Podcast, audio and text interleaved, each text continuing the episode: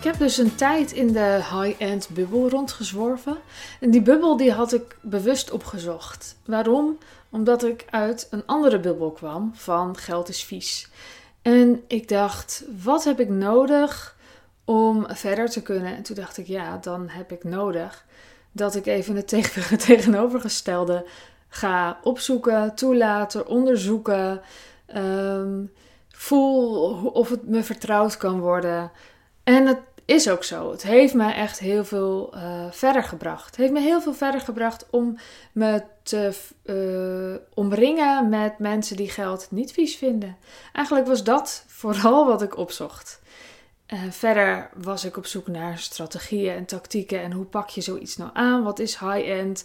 Uh, wat is de bedoeling ervan? Nou, uiteindelijk heb ik daar deels dingen van opgepikt en deels ook best veel aan me voorbij laten gaan.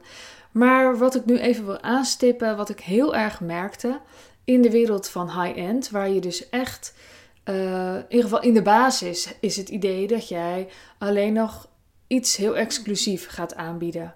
En dat betekent dat je weinig klanten hebt voor een goed inkomen. Ik sta achter trajecten, hè? dat heb je me ook vaker horen zeggen. Ik vind het een fantastische manier om je bedrijf mee te starten.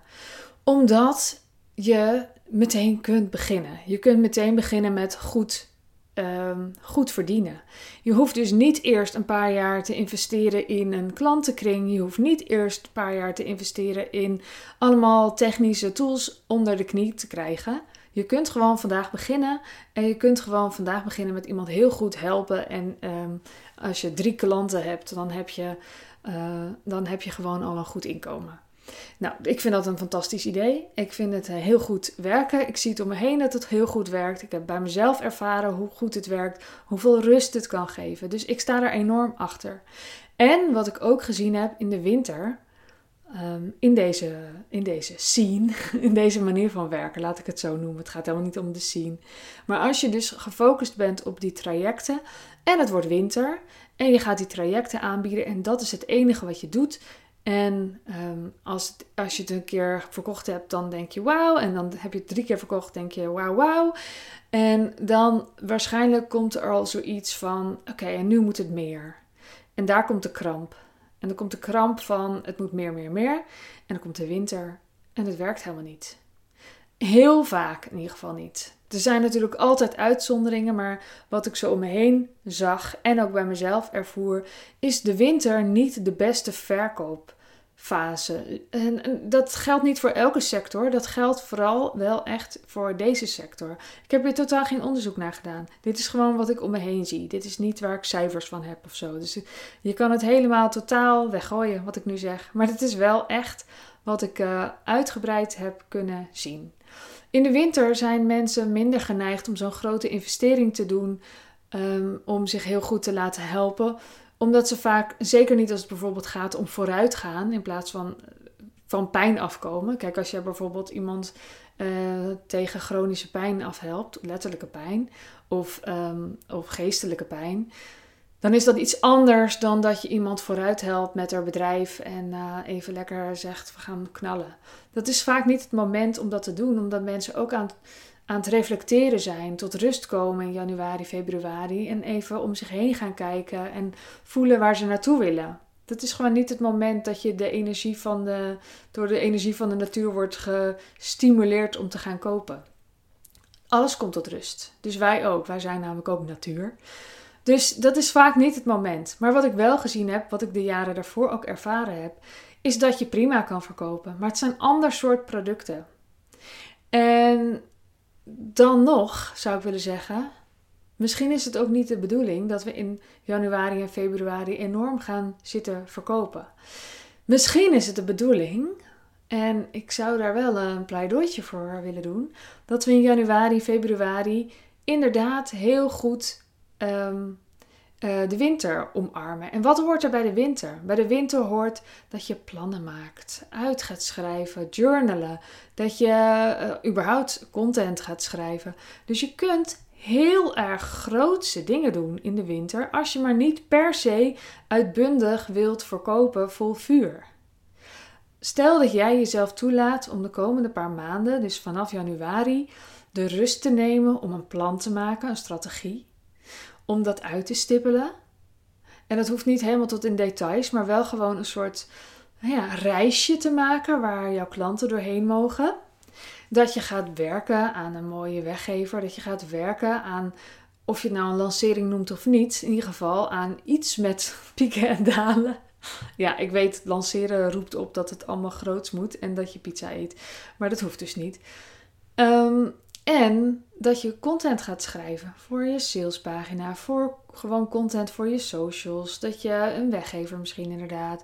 Kan van alles zijn. Maar dat soort taken, die plannen die je maakt en de content die je schrijft, zijn ontzettend winterse dingen. Ga lekker moodboarden en zo. Maar zie je ook dat als je dat doet, dat dat alleen maar voor groei gaat zorgen in die andere fase. Als je dit allemaal hebt klaar liggen en het is maart, en april, mei, juni, juli, de maanden waarin het allemaal naar buiten kan uh, knallen, dan ben je gewoon al heel ver. Moet je je voorstellen hoe het is dat jij bijvoorbeeld, uh, dat je denkt misschien in april, ik ga lanceren. En je hebt al die content al geschreven in uh, januari, februari. Je hebt een enorme weggever gemaakt. Misschien heb je wel een, een, video's opgenomen. Of ik heb geen idee. Of iets uitgeschreven. Of geen idee, of een programma uitgeschreven. Dan heb je dat dus allemaal liggen. En dan heb je dus in april, als je aan het lanceren bent, ruimte om allerlei andere dingen te doen die, die nog niet gedaan zijn. Bijvoorbeeld nog weer allemaal gekke content maken. Hoe meer er al klaar staat, hoe meer je vanuit creativiteit er op zo'n moment nog weer bij kunt maken. Of je gaat lekker in de moestuin werken, want daar is het dan ook wel weer tijd voor. Ik wil maar zeggen, de wintermaanden ja, die staan voor rust. Maar dat betekent niet dat er niks gebeurt. En betekent ook niet dat je inactief bent. Maar ik denk wel dat het heel goed is om die winter heel goed te benutten. En dat is ook precies hoe ik het Wilde Vrouwen Business Traject deze winter heb ingericht. We beginnen dus 1 december. En dan gaan we ook echt wel beginnen met een 90 dagen plan. En dan heb jij dus ook de tijd om, om goed vooruit te gaan kijken wat je nou eigenlijk wil en daaraan te bouwen. Dus om de week een schrijfsessie. Kan je bij aanhaken, hoeft niet. Het is gewoon een, het is meer een bonus. Waarin je dus in het moment uh, lekker online komt. Dan gaan we samen gewoon even een uurtje schrijven. En dan check je weer uit. En dan heb je weer allemaal content liggen. Je kunt heel gefocust heel erg veel doen. Ook in de winter. Terwijl je heel erg, uh, ja, ik zeg het heel erg, maar niet uit. Terwijl je dus veel respect heb voor de, voor, de, voor de energie van de winter, voor de kracht van de winter. Dus je mag lekker op de, bank, op de bank, je mag lekker onder een dekentje en juist enorm aan je, aan je bedrijf werken. Dat is hartstikke lekker, dat is hartstikke met de energie mee. Mocht je dit voelen en mocht je een beetje bang zijn geweest dat, dat, uh, dat er in het business traject uh, enorm geknald gaat worden, dat valt wel mee. We gaan vooral doorbouwen. En doorbouwen zorgt ervoor dat jij ook echt iets neerzet wat mag groeien, waar steeds meer rust bij komt. Nou, mocht jij hem voelen, ik zou zeggen, stuur je vragen naar Zacht op Instagram. En als je al weet dat je gewoon veel meer wil weten, kijk dan op wildevrouwmagazine.nl slash business traject. En ik help je graag daar. En ik wens je een hele fijne ochtend, middag, avond, nacht. En tot de volgende keer. Doei doei!